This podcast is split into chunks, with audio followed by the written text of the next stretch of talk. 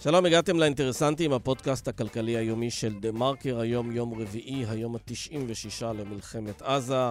בעזה עדיין נמצאים 136 חטופים. באולפן פה, סמי פרץ, איתן אבריאל, שלום איתן. שלום סמי. אה, אותך לא משתפים בדיוני התקציב, נכון? לא משתפים אותי בדיוני התקציב. לא קראו לך, לא ביקשו את חוות דעתך, מה להוסיף, מה להוריד. צו 7.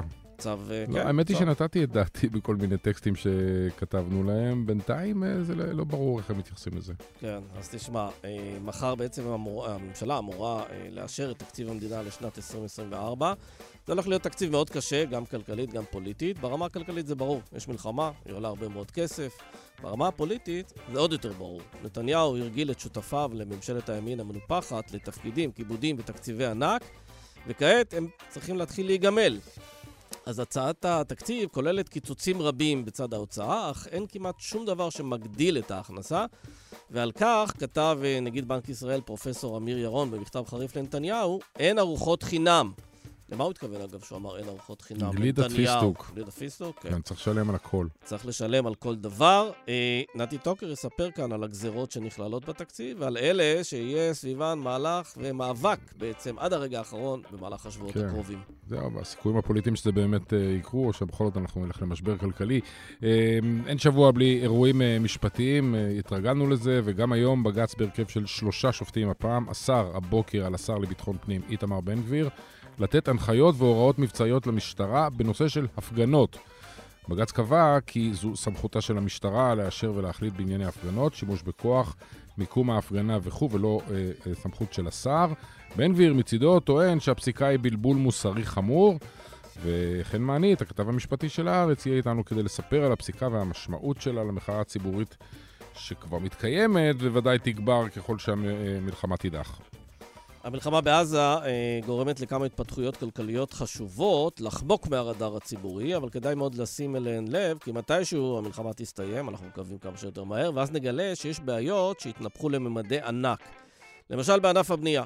מאז כניסתו של השר גולדקנופ למשרד השיכון נרשמה ירידה של 26% בשיווק הדירות, לעומת זינוק של 155% בשיווק דירות בחברה החרדית. מצוקת דיור יש בכל המגזרים, אבל הטיפול רק באחד מהם, לצד המחסור בכוח אדם והאפשרות שהמלחמה בצפון ובדרום תגרום להגדלת הביקושים במרכז, תביא רק לתוצאה אחת. הדר חורש, כתב הנדל"ן, נדבר על זה כאן תכף. אנחנו מתחילים. שלום לנתי טוקר. שלום, שלום.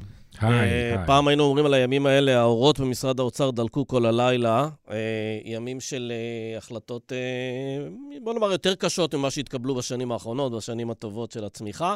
אה, צריך אה, להביא הרבה כסף לשולחן, המלחמה עולה הרבה כסף, תקציב הביטחון עולה הרבה כסף, החובות הופכים אה, ליקרים יותר וצריך להביא הרבה כסף. וראינו שיש הצעה של משרד האוצר, אגף התקציבים, מגיש הצעה, ועוד לפני שהספקנו לעיין בכל הפרטים, כבר נגיד בנק ישראל בא ואומר לראש הממשלה, ידידי, אין ארוחות חינם, אתה צריך לעשות פה הרבה מעבר לזה, אתה צריך להעלות מיסים, זה לא ייגמר ככה.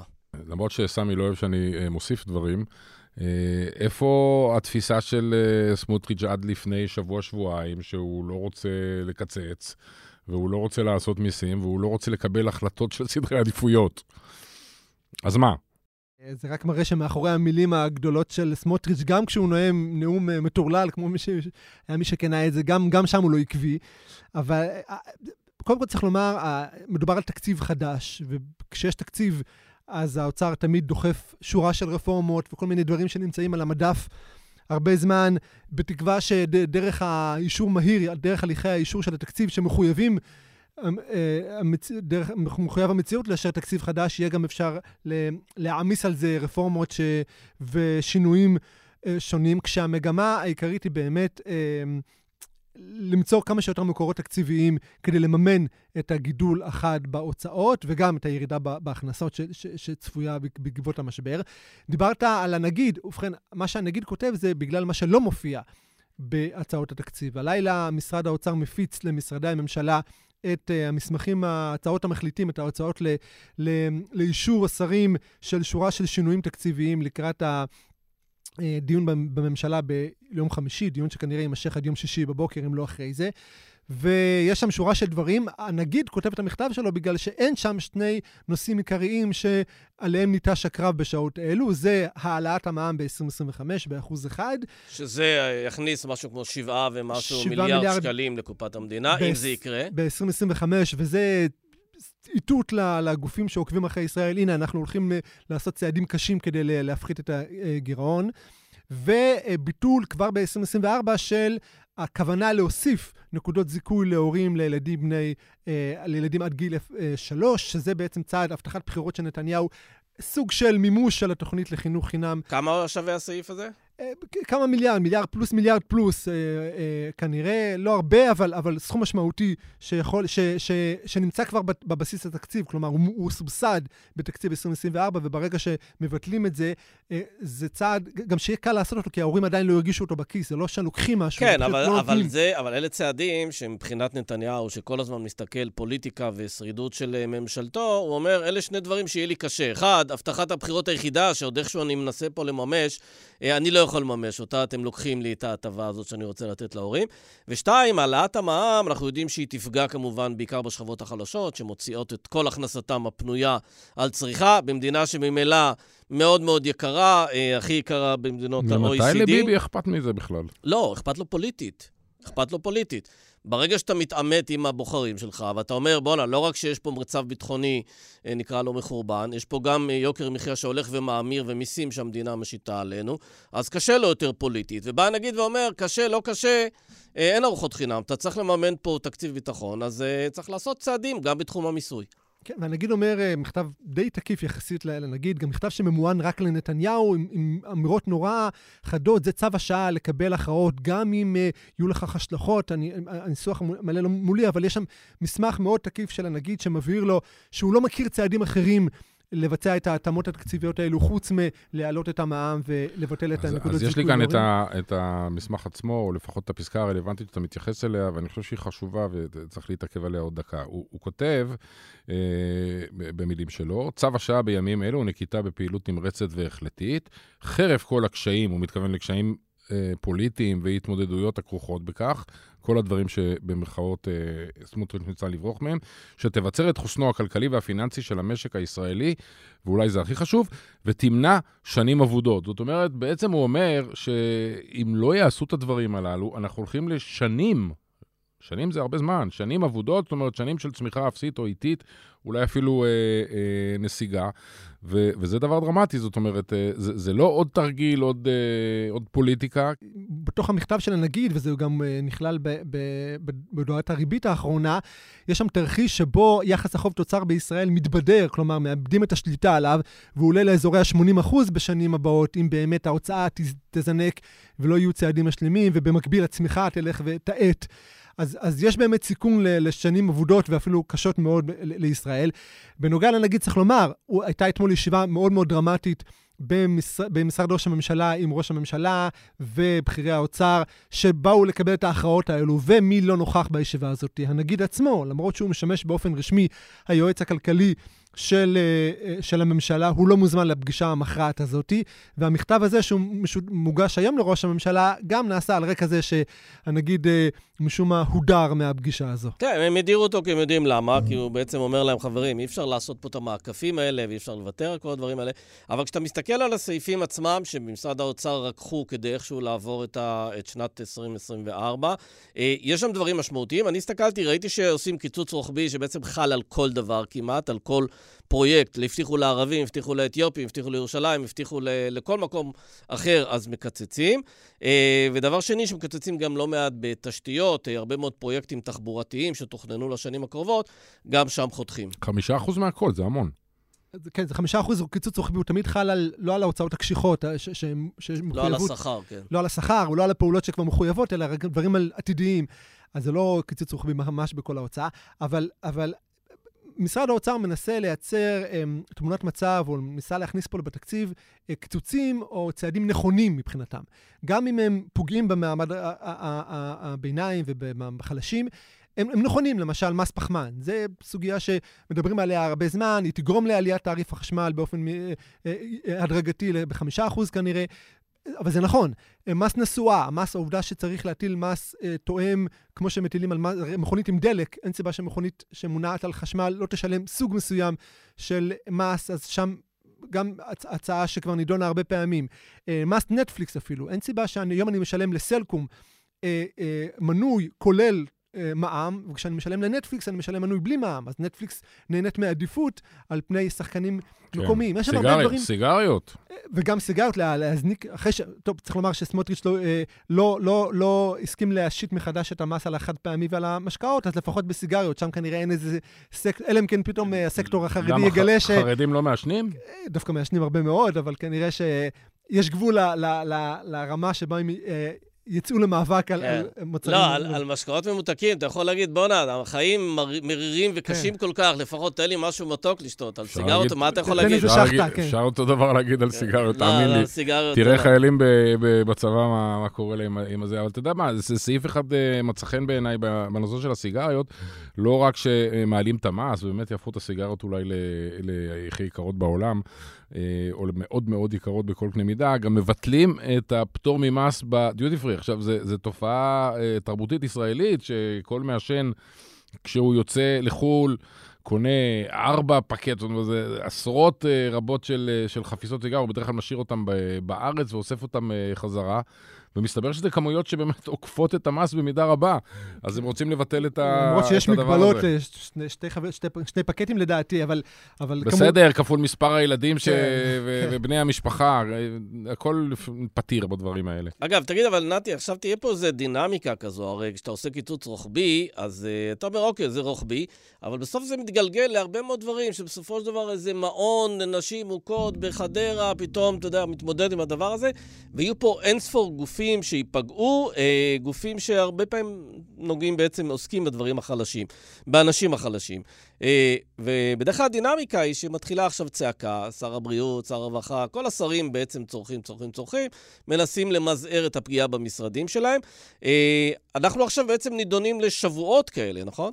כן, אז קרה פה משהו תקדימי במס... בתקציב הזה, בין השאר בגלל המלחמה. כמעט ולא היה משא ומתן מקדים ממשרדי הממשלה על הצעדים האלו. חלקם ראו את המסמכים, את הצעת התקציב, פעם ראשונה יחד עם, עם, עם גופי התקשורת. אה, חלקם גילו על הקיצוצים שצפויים במשרדים שלהם כבר עכשיו. יש אפילו רפורמות מבניות מאוד דרמטיות, למשל, לקחת את כל המדענים הראשיים וכל המשרדים, לעקור אותם מהמשרדים ולהקים איזה גוף עמותה אה, אה, ריכוזית שנשלטת מלמעלה. צעדים מאוד מאוד דרמטיים שהמשרדים, בעצם השרים צריכים לבוא מחר לישיבת הממשלה ולהצביע על זה, בלי שאפילו הם דנו עליהם עם דרגי המקצוע שלהם. אז יש פה בעייתיות, יש פה דברים שנעשים בחופזה, וברור לחלוטין שחלק גדול מההצעות שם לא יעברו. אה, בתקציב הנוכחי, שמים אותם שם ככה, גם כדי להכניס עיזים וגם כדי לקבע בתודעה שהאוצר לפעמים מכניס את זה לחוק ההסדרים, רק כדי שהנה, זה כבר הופיע בחוק ו- ורפורמה מסוימת נמצאת על הפרק. פה, אבל יש פה בעצם פער מאוד גדול, כי אם הנגיד אומר צעדי התכנסות, הכנסה והוצאה של 30 מיליארד, והממשלה מציעה צעדים שאני לא יודע מה הסכום שלהם, אבל הם בוודאות הרבה יותר נמוכים מ-30 מיליארד, ועוד מזה מישהו יבוא וימרוט ו- ואיכשהו יקבל פטור, נגיד, על כל מיני דברים, אנחנו עדיין נגיע למצב שבו הנגיד אומר 30 מיליארד, הממשלה יודעת לגרד, אחרי שהיא מנערת את כל הכיסים, נגיד 10 או 15 מיליארד, כלומר, אתה עדיין נמצא בפער מאוד גדול, שעליו בעצם מדבר הנגיד, כשהוא אומר, הגיע הזמן לקבל החלטות יותר קשות. אז, אז יש פה שתי סוגיות. קודם כל, מה, מה יהיה בסוף הגירעון ב-2024? מה יהיה המספר שיהיה כתוב בהצעה? אז כנראה שזה יהיה כנראה יותר מ-6%, למרות שבהתחלה דובר על תחזית פחות, קצת פחות, 5.9, זה כנראה יהיה יותר, כי הם לא יצליחו לייצר צעדי התכנסות אה, משמעותיים. אפילו המלחמה בהון השחור, יש איזה סעיף, זה יכניס כסף רק ב-2025 והלאה. אז המספר של 24 הוא חשוב, אבל יותר חשוב מזה, וזה גם מדברים באוצר וגם בבנק ישראל, האיתות קדימה. האם, האם הצעדים האלו יעברו אפילו בצורה סמלית באישור ממשלה? זה איתות כלפי הגופים הבינלאומיים והשווקים, שאנחנו מוכנים לבצע לפחות צעדים עתידיים שכן יכניסו כסף בשנים הקרובות וכן יאפשרו לסגור את, את הפער, את, את היחס חוב לתוצר שנים קדימה, וזה יאפשר להרגיע קצת את חברות הדירוג, שצריך לומר, חלקם באות לישראל, של, של, שלושתם למעשה, באות לסבב פגישות בישראל בשבוע, בשבוע איך הקרוב. אה, אה, ציינת את זה שהנגיד לא הוזמן לישיבה החשובה של אה, אתמול, ומי שהיה שם אה, כיועץ כלכלי ראשי לראש הממשלה זה הכלכלן אבי שמחון. אותו אבי שמחון הציע בשבועות האחרונים לעקוף את כל האילוצים התקציביים בטריקים שעשו בעיקר בקורונה. שזה בעצם ליצור איזשהו מבנה חשבונאי חוץ-תקציבי, קראו לזה קופסה, ובעצם לטעון שגם הנושא הביטחוני הוא זמני במידה מסוימת, לכן יש הצדקה לעשות את, הדבר הזה, וככה הוא יפתור לעצמו את כל הבעיות בלי לקצץ אה, שום דבר, אם הוא ישים את, אה, את התוספת אה, תקציב ביטחון בתור איזשהו אירוע כזה, חוץ-תקציבי. מה קרה לתוכנית הזו? זאת אומרת, היא ננטשה, או שבסופו של דבר כשיראו ש... כמו שסמי אומר, מורטים את, ה... את הנוצות של התרנגולת הזאת, עד כדי כך שצריך להחזיר את זה, ואז מה? זהו, אז, אז הרעיון העקרוני של להוציא את תקציב הביטחון לקופסה, אה, גם בנק ישראל אפילו אה, אימץ. אבל ברגע שעוברים לתפיסה של ארוכת טווח, שהולך להיות פה גידול קבוע בהוצאות הביטחון, אין משמעות לקופסה, כי קופסה, כמו שאתה אומר, היא בעצם לאירוע חד פעמי, נקודתי, כמו המלחמה ב-2024. אבל ההצעה של שמחון באמת נפלה מיידית, כי הדיון הוא לא על 2024, הדיון הוא קדימה.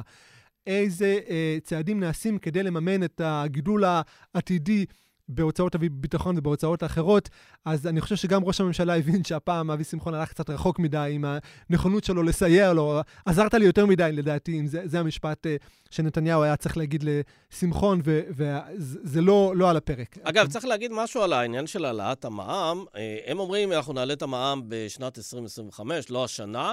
אה, מזיכרוני, המע"מ הרי דווקא עלה, ירד במהלך השנים, כל פעם כשהיה איזה צורך כזה. ובדרך כלל זה קורה מיד. כלומר, אם מחליטים שמעלים, אז מעלים, אם מחליטים שמורידים, אז מורידים. לא אומרים, אנחנו בועטים את זה לעוד שנה. זה משקף לדעתי את התחושה של הממשלה הזאת של בוא, בוא נעבור איכשהו את השנה הספציפית הזו, שנה מאוד קשה, מלחמה, לחצים פוליטיים, אנחנו לא רוצים להזיז אף לבנה. במבנה הקואליציוני של הממשלה המקורית של ה-64, אם נעשה את זה, זה תהיה תחילת ההתפרקות שלה. זה בעצם השיקול המוביל שם, נכון? אני מניח שהניתוח, שהניתוח השיקולים הפוליטיים נמצאים שם אה, במרכז אה, מערכת השיקולים של, של הפוליטיקאים. אני כן יכול להגיד שבכל נוגע למע"מ, גם הדרגים המקצועיים אה, תמכו בדחייה ל-2025, גם בגלל שאנחנו ב, עדיין בהתמודדות עם, עם האינפלציה והמע"מ מעלה, מעלה את, את, את, את המדד, וגם בגלל ש... אנחנו במשבר אחרי הכל, וצפויה האטה חדה בצריכה הפרטית, והעלאת מע"מ כבר עכשיו תגרום לפגיעה נוספת בצריכה הפרטית, אז הייתה שם הסכמה גם מקצועית לדחות את זה ל-2025. דבר אחד שאין בקיצוצים זה uh, נגיעה בכל הכספים הקואליציוניים. עכשיו, זה הדבר המרכזי שבהם עסקנו בשנה האחרונה. Uh, הסכומים הבאמת גדולים, מיליארדים רבים של uh, כספים שהלכו uh, מיליארד. לחינוך של חרדים, לחינוך של, uh, של דתיים. יש קיצוצים בחינוך הממלכתי uh, החילוני, יש קיצוצים למעשה בכל מקום, ואיכשהו בכל הסעיפים הללו, לא נגעו, זה, זה רק מגדיל עוד יותר את הפער בין, אה, בין חילונים אה, לבין, אה, לבין הדתיים. אז זהו, אז ב, ב, יש איזה, זרקו פירורים, אם נקרא לזה ככה, בתקצ... יש איזה סעיף שמקצץ לדעתי 150 מיליון שקל בתקציבי מורשת ותקציבי תקציב משרד הדתות, אבל הכסף הגדול של, הכספ... של, של המוסדות התורניים והישיבות והחינוך לא מופיע כרגע שום שורה שאפילו סמלית שאומרת מתוכננים צעדים כזה. אולי נראה אותם בהמשך בס... בהחלטות אה, ממשלה שנוגעות לסעיפים הקואליציוניים, אולי נראה שם איזה קיצוץ סמלי, אבל הכסף הגדול כבר הוא היה ברור. אם ראינו את זה ב-2023, גם ב-2024, נראה שהכסף הגדול לזרום לצרכים הסקטוריאליים, כן, גם רק, של החרדים וגם של כן, רק שורה תחתונה, ביום חמישי, השישי נגיד, יאשרו את זה בממשלה, ואז עדיין צפוי עוד uh, תהליך מאוד ארוך בכנסת. סאגה ארוכה, הדדליין לא, הוא... אבל יש דדליין, מה זה ארוכה? 19 בפברואר, אז צריכים לאשר את התקציב. אם לא, עדיין לא מאוחר מדי, אז יושת את זה לקיצוץ רוחבי, אבל הדדליין הוא כרגע 19 בפברואר. אז נדבר כן. עד אז שוב. נתי טוקר, תודה. תודה רבה. שלום, אני דוקטור אפרת ליאני. ואני נילי גולדפיין. וביחד אנחנו מגישות את הפודקאסט החמ"ל העסקי מבית TheMarker Labels. נפגשנו עם מנכ"לים ומנכ"ליות, מנהלות ומנהלים, ממגוון חברות במשק, וביקשנו לשמוע מהם איך מצליחים ליצור רצף תפקודי עסקי בתקופה כל כך מאתגרת, ואיך ממנפים את המשבר להזדמנות. שמענו מהם על הקשיים והאתגרים, אבל גם על פתרונות יצירתיים, יכולת התאוששות מרשימה, רוח התגייסות מרגשת, ומעל הכל, ניהול ארגוני שרואה אנשים, ולא רק מספרים. אם גם את מנהלת עסק ומתקשה לחזור לשגרה, אנחנו מזמינות אותך להאזין לכל הפרקים בסדרה ולקבל השראה וכלים שיעזרו לך להתניע מחדש. חפשו החמ"ל העסקי בכל אפליקציות הפודקאסטים ובאתר TheMarker Labels.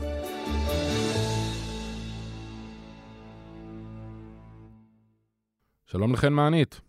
שלום, שלום. כתב המשפט של אה, עיתון אה, הארץ, אה, שר הביטחון הלאומי, איתמר בן גביר, שהוא רוצה גם לשנות גם את, ה, את הדברים האלה, אני מבין, שבעצם רוצה להקים מיליציה שהוא יפקד וינהיג אותה, והיא תוכל להשפיע על כל מיני דברים במדינת ישראל, מקבל הבוקר מבג"ץ הנחיה ברורה שאסור לו להתערב בהחלטות המשטרה בנוגע להפגנות, וזה בדיוק מה שהכי הוא רוצה להתערב.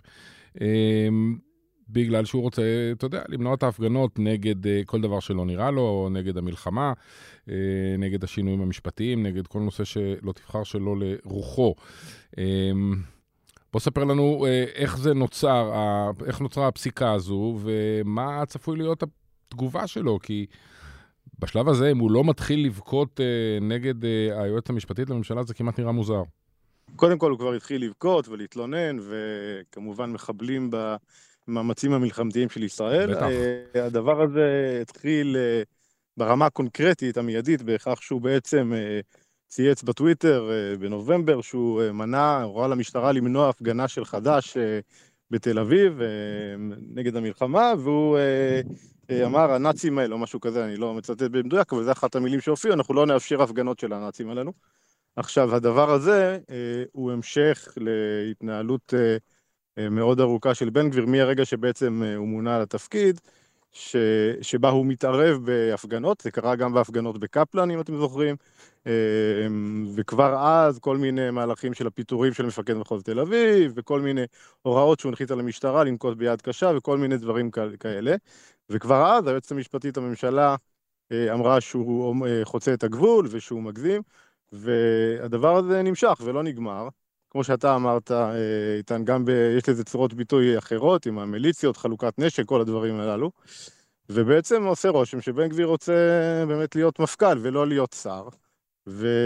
ולכן בג"ץ נאלץ בשלב הזה אה, להוציא צו ביניים שאומר לו בצורה מפורשת, אה, אתה לא יכול להנחות את המשטרה איך לנהוג באופן אופרטיבי, לתת הנחיות אופרטיביות, איך לנהוג ב... ב... בהפגנות, זה כן, אגב, אני חושב שזה היה מבחינתו, אני חושב שזה סוג של גול עצמי, כי בעצם... הוא הרי נבנה, הכוח הפוליטי שלו נבנה מזה שהוא, אתה יודע, יש לו את סדר היום שלו, מאוד קיצוני, מאוד ימני, מאוד uh, נגד ערבים וכולי. Uh, ואז uh, הוא בעצם uh, אומר, אני רוצה למנוע את ההפגנה של חד"ש נגד המלחמה, והוא חוטף פסק דין שאומר לו בעצם, תקשיב, אתה, זה לא רק בהפגנה הזו, אתה לא יכול לתת הנחיות למשטרה לגבי מימוש זכות, זכות ההפגנה וחופש המחאה. בשום עניין, אתה לא יכול להתייחס לאירוע מבצעי קונקרטי, אתה לא יכול, אה, לא במישרין, לא בעקיפין, לא להגיד אה, משהו על אופן השימוש בכוח באירוע כזה או אחר, דרכי השימוש בכוח, האמצעים לפיזור הפגנות, כל, כל דבר שקשור לזמן ההפגנה. כלומר, אתה בעצם, אה, אתה לא סמכות בענייני הפגנות ומחאות בישראל. נכון, זה פעם ראשונה שבג"ץ מוציא צו כזה, צו שאוסר עליו צו ביניים. צריך להגיד, זה במסגרת, כל הדיון הזה הוא במסגרת העתירה הרחבה נגד התיקון לפקודת המשטרה, אם אתם עוד זוכרים את הדבר הזה, תיקון 37, בעצם אחת הדרישות של בן גביר בהצטרפות שלו לממשלת נתניהו, אה, אה, הייתה שייתנו לו יותר סמכויות, ואז שונה, שונתה פקודת המשטרה, אה, והכניסו שם סעיפים שמתירים לשר להתוות את מדיניות המשטרה והעקרונות הכלליים לפעולתה, ולקבוע את המדיניות הכללית בתחום החקירות, ויש עתירה אה, ש... שעדיין תלויה ועומדת בבג"ץ בעניין הזה, וכל פעם רצים העותרים, התנועה לאיכות השלטון, האגודה לזכויות האזרח, אה, ואומרים, הנה, תראו איך הוא מתנהג, תוציאו, הוא, הוא פועל ב... אה, בניגוד, גם בניגוד למה שנאמר בדברי ההסבר, וכל ה... הרי התיקון הזה לפקודת המשטרה, הוא גם מרוכך באיזשהו אופן, הוא היה אמור להיות יותר קיצוני, לתת יותר סמכויות לבן גביר, ו... והדבר הזה לא נגמר, בכלל, בן גביר הוא, אתם יודעים, אתם מכירים אותו והוא לא פועל בהתאם לכללים. אה, מצפצף על היועץ המשפטית, אה, כי בעצם מה שבג"ץ אמר היום, זה משהו שהיועץ המשפטית לממשלה אמרה מזמן, היא הנחתה אותו לא לנהוג ככה, היא אמרה שהוא אסור לו להתנהג ככה, ושר אמור אה, למלא אחר מה שהיועץ המשפטית לממשלה אומרת, כי היא קובעת מה, מה חוקי ומה לא חוקי. איך, אה, איך באמת אה. המדינה מפקחת על, ה, על ההחלטה- הפסיקה הזאת של, אה, של בג"ץ? זאת אומרת, אנחנו יודעים שהשר אה, אה, מתעלם מההנחיות של היועצת המשפטית לממשלה. אה, איך נדע שהוא לא מתעלם אה, מהחלטות של בג"ץ? זאת אומרת, הוא ימשיך לנהוג כדרכו, ומה שנקרא, תתבעו אותי. תראה, אתה יודע, כל בעצם אה, בית המשפט, אה, אין לו ארנק ואין לו חרב. אתה יודע, תמיד בדיוק, ההחלטות האלה... בדיוק, בדיוק. זה, זה נכון לגבי כל החלטה של אה, בג"ץ, גם, אתה יודע, ש... כש- נכון, אבל כאן יש לך עסק עם יהודי ש, שמחפש את החיכוך. כן, שהוא נבנה מהחיכוך הזה, כן. גם המשטרה היא זאת שאמורה לאכוף את החוק, היא זאת שצריכה להתמרד מולו. אה, יש, יש סנקציות שניתן אה, לנקוט בהן באופן עקרוני, אה, כל מיני ביזי... אה, צווים לפי פקודת ביזיון בית משפט וכולי. אה, ויש עוד שני דברים שקורים. קודם כל, יש את התיקון הזה לפקודת המשטרה שבג"ץ עדיין לא אמר את דברו, ויכול להיות שהוא באיזשהו אופן יתערב. ויש עתירה נוספת, שהיא עתירה דומה לזו שהוגשה נגד המינוי של דרעי, בעצם עתירה שהיא עדיין אה, נדונה בבג"ץ, שבה נטען שהמינוי של בן גביר לשר לביטחון לאומי לוקה באי סבירות קיצוני והוא צריך להיפסל. אה, הייתה הקפאה בדיון הזה בגלל הדיון על אה, אה, חוק לביטול עילת הסבירות, ובעצם אה, היועמ"שית אמרה אין מה לדון, כי, כי, אתה, כי בעצם העתירה הזאת מבוססת על כך שהמינוי הוא לא סביר בעליל, באופן קיצוני, ועכשיו שעילת הסבירות אה, ניצלה, אז הדיון הזה יימשך, ובעצם באופן אה, תיאורטי בג"ץ יכול ול- לבוא ולהגיד, אה, ההחלטה למנות את אה, בן גביר לשר לביטחון לאומי היא לא סבירה בצורה קיצונית. יש שורה של נימוקים שטוענים את זה. בעיניי נימוקים חזקים, דרך אגב, לא פחות מבעניין של דרעי. אני לא בטוח שזה מה שיקרה, אבל הדבר הזה הוא גם על המדוכה עדיין.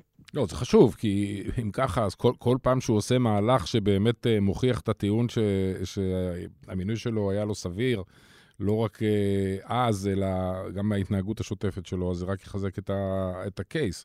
עד שיום אחד באמת... נכון, אה, והעותרים כל פעם באים ואומרים, תראו, ו- ו- ומציגים לבג"ץ את, אה, את השתלשלות הדברים, ואיך הם בעצם, הטענות שלהם מוכחות כביכול כ- כנכונות. כן, תגיד, ברוח הימים האלה, כשתמיד סופרים שופטים מי בעד, מי נגד, מאיזה מחנה וכולי, במקרה הזה של ההחלטה נגד בן גביר, יש שלושה שופטים, השופטים פוגלמן, עמית וכשר, שלושתם בעצם אה, פה אחד אה, פוסקים, נכון? נכון, אבל שוב פעם צריך לזכור, זו החלטה שזה צו ביניים, זה לא פסק דין רחב כן, ומנומק, זה צו ביניים של שלושה עמודים, והוא אומר דבר שהוא מאוד מאוד אה, מובן מאליו, בעצם זה אה, אי ההתערבות של הדרג הפוליטי אה, בעבודת המשטרה, אה, שבעצם פוגעת, באופן שפוגע בזכות המחאה, זכות ההפגנה, זכויות יסוד בדמוקרטיה, זה דבר שהוא בסיסי, ובאמת בג"ץ אין, אה, אני חושב שכל שופט של בג"ץ, אה, אפילו שופטים אחרים, אה, היו, היו מוצאים את הצו הזה, כי הוא באמת אמור להיות אלמנטרי. זאת אומרת, אנחנו כבר התרגלנו שדברים שאמורים להיות אלמנטריים הם לא קורים, והשרים מפרים אותם, אה, או חלק מהשרים, אבל אה, זה באמת דבר שהוא מאוד מאוד ברור, זה נשמת אפה של הדמוקרטיה. היועצת המ- אה, היועצת המשפטית לממשלה כותבת, אה, ההפרדה הזאת, אה, הרי לא ייתכן שהדרג הפוליטי אה, יקבע אם תהיה הפגנה, איפה תהיה הפגנה, מתי תהיה הפגנה, כמה יפגינו. אה, יש עדיין חופש כן. ביטוי, חופש מחאה, זכות ההפגנה. טוב, וידעו את זה גם השרים הבאים שהתמנו לשרי המשטרה, סלאש ביטחון פנים, סלאש ביטחון לאומי, סלאש לך תדע מה ירצה השר הבא, איזה טייטל. חן מענית, תודה רבה. תודה, תודה. תודה לכם.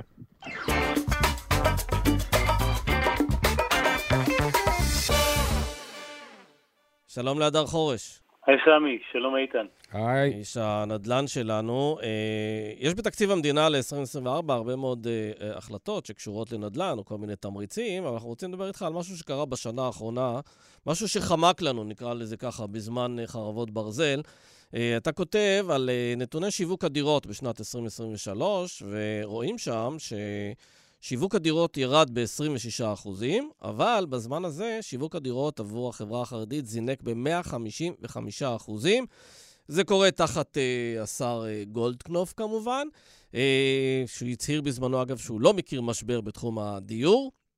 אבל אה, אנחנו מנסים להבין, הרי בממשלה הזאת יש הרבה שרים שהם שרים מאוד מאוד מגזריים. דיור זה לא נושא מגזרי. איך הוא הצליח להפוך אותו לנושא מגזרי? דיור זה נושא מאוד מגזרי ויש מעט מאוד אה, פעילויות כלכליות שהן לא פוליטיות כמו תכנון למשל וכן, אה, אם יש שר שדואג למגזר שלו, אז מתבטא כמעט, יכול להתבטא בכל תחום, ובעיקר, בעיקר בתחום הדיור. אגב, זה אולי היה יותר קל, מכיוון שעד עכשיו דווקא המגזר החרדי היה די מקופח מכל מיני סיבות של מחסור בעתודות קרקע, צרכים מיוחדים בדיור, ומבחינת הדיור הציבורי הממשלתי, הוא היה מגזר אה, מקופח עד עכשיו. אני לא חושב שהוא היה הכי מקופח, תמיד אה, מדברים הרי על הבעיה בחברה הערבית, ששם בכלל לא בונים. כן, הוא היה קצת מקופח. מה זה כן, מקופח? הוא, היה, הוא היה מקופח במונחי תכנון של אזורים לא, בעייתיים. לא, הוא מגזר בבעיה, משום שהוא צומח בקצב הכי מהיר, וכדי לתת לו פתרונות, אז צריך באמת לרוץ ולטוס ב-200 קמ"ש. גם באופן מוחלט, לא רק יחסית לגידול באוכלוסייה, ובאמת הבעיות במגזר החרדי הרבה פעמים אה, דומות לבעיות בחברה הערבית, אה, למעט דבר אה, שהוא הבדל ביניהם זה התשומת לב של הפוליטיקאים, שברור שיותר מופנית לכיוון של החרדים, בגלל הכוח הפוליטי שלהם. טוב, קודם כל מסתבר, סמי, שגולדקנופ צדק, אין משבר של דיור אצל החרדים. יש עדיין משבר גדול, יש עדיין משבר גדול. ו... אם יש שם זינוק של, אה, מאות אחוזים בשיווק דירות, אז כנראה שהוא בדרך להיפטר. אם זאת תהיה המגמה, אה, יש סיכוי טוב להיפטר, וגולדסנופ פעל כאן ב... גולדסנופ ואנשים שקשורים בו, אה, פעלו כאן באופן מיוחד ואגרסיבי ומתחת לרדאר בהרבה מקרים. כדי לשפר את המצב וליצור היצע חדש אה, במקומות שלא היו חרדים עד עכשיו.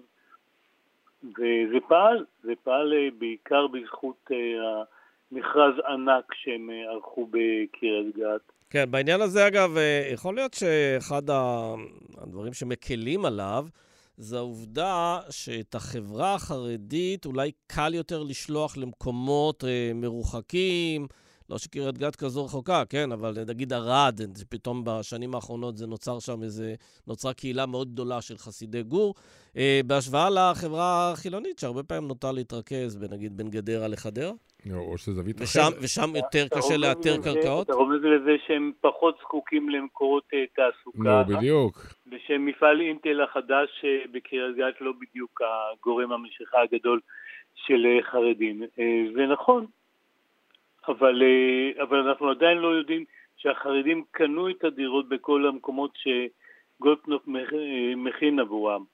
בין היתר היו שם מכרזי ענק גם בקריית גת, שזה הכי בולטת, וגם בעכו, שהיא עיר אפילו מעורבת ו- ולא חרדית, ושם היה ממש איזו פעולה מתחת לרדאר, שאפילו הוכחשה על ידי המשרד של גולדקנופ, אה, שהם מבצעים שם הכנה להקמת שכונה חרדית גדולה. אז תשמע, מה למדנו עד עכשיו, ותכף uh, נסתכל קדימה? למדנו שאם יש פוליטיקאי שבאמת רוצה לעשות משהו, אז uh, בניגוד למה שאנחנו uh, חושבים לפעמים, ואנחנו נוטים לזלזל ביכולת הביצוע של פוליטיקאים, אם הם נחושים לעשות משהו, אז, ויש להם גם את הכוח הפוליטי, אז הם יכולים לעשות את זה. עכשיו, מפה צריך באמת uh, לדעת מי רוצה לעשות uh, מה, אבל בוא תספר לנו, uh, הרי uh, סמי התייחס לזה, הוגש uh, אתמול... Uh, הוגשה אתמול טיוטה של, אה, של חוק התקציב, ונמצאים שם כל מיני דברים שמיועדים לעודד את ענף הבנייה. אה, בוא ספר לנו מה מצאת שם. אין שם אה, דברים מאוד דרמטיים, יש שם דברים שאולי שנויים במחלוקת, כמו הטלת מס שבח בדיעבד על דירות שנרכשו בעבר לפני שנת 2014, ומעניין מה הסיכוי שהמס החדש יעבור. מצוין שם בטיוטה שהפיץ האוצר שמשרד המשפטים טרם אה, בחן את הדברים וכמו שאנחנו יודעים אה, חקיקת אה, מיסים וחקיקה בכלל רטרואקטיבית היא לא דבר אהוב על משפטנים ומטעמי צדק, לא סתם בגלל... לא, גם הפוליטיקאים לא, לא אוהבים שממסים להם את הדירה השנייה, השלישית ורביעית. כן, נכון. ברור שכל העלאת מיסים גורמת להתנגדות, אבל כאן אה, אנחנו יודעים שהממשלה בעבר קיבלה את הרעיון שלא מטילים אה, מס אה, רטרואקטיבי, בגלל שהמס, מס שבח על דירות, דירות שניות אנחנו מדברים, דירות כאילו להשקעה, לא דירות המגורים שלנו, אז מכירה של דירה לא נשאה מס שבח, שזה המס על הרווח כאילו של, ה, של הבעל הדירה. לא, עד 2014 לא היה בכלל מס.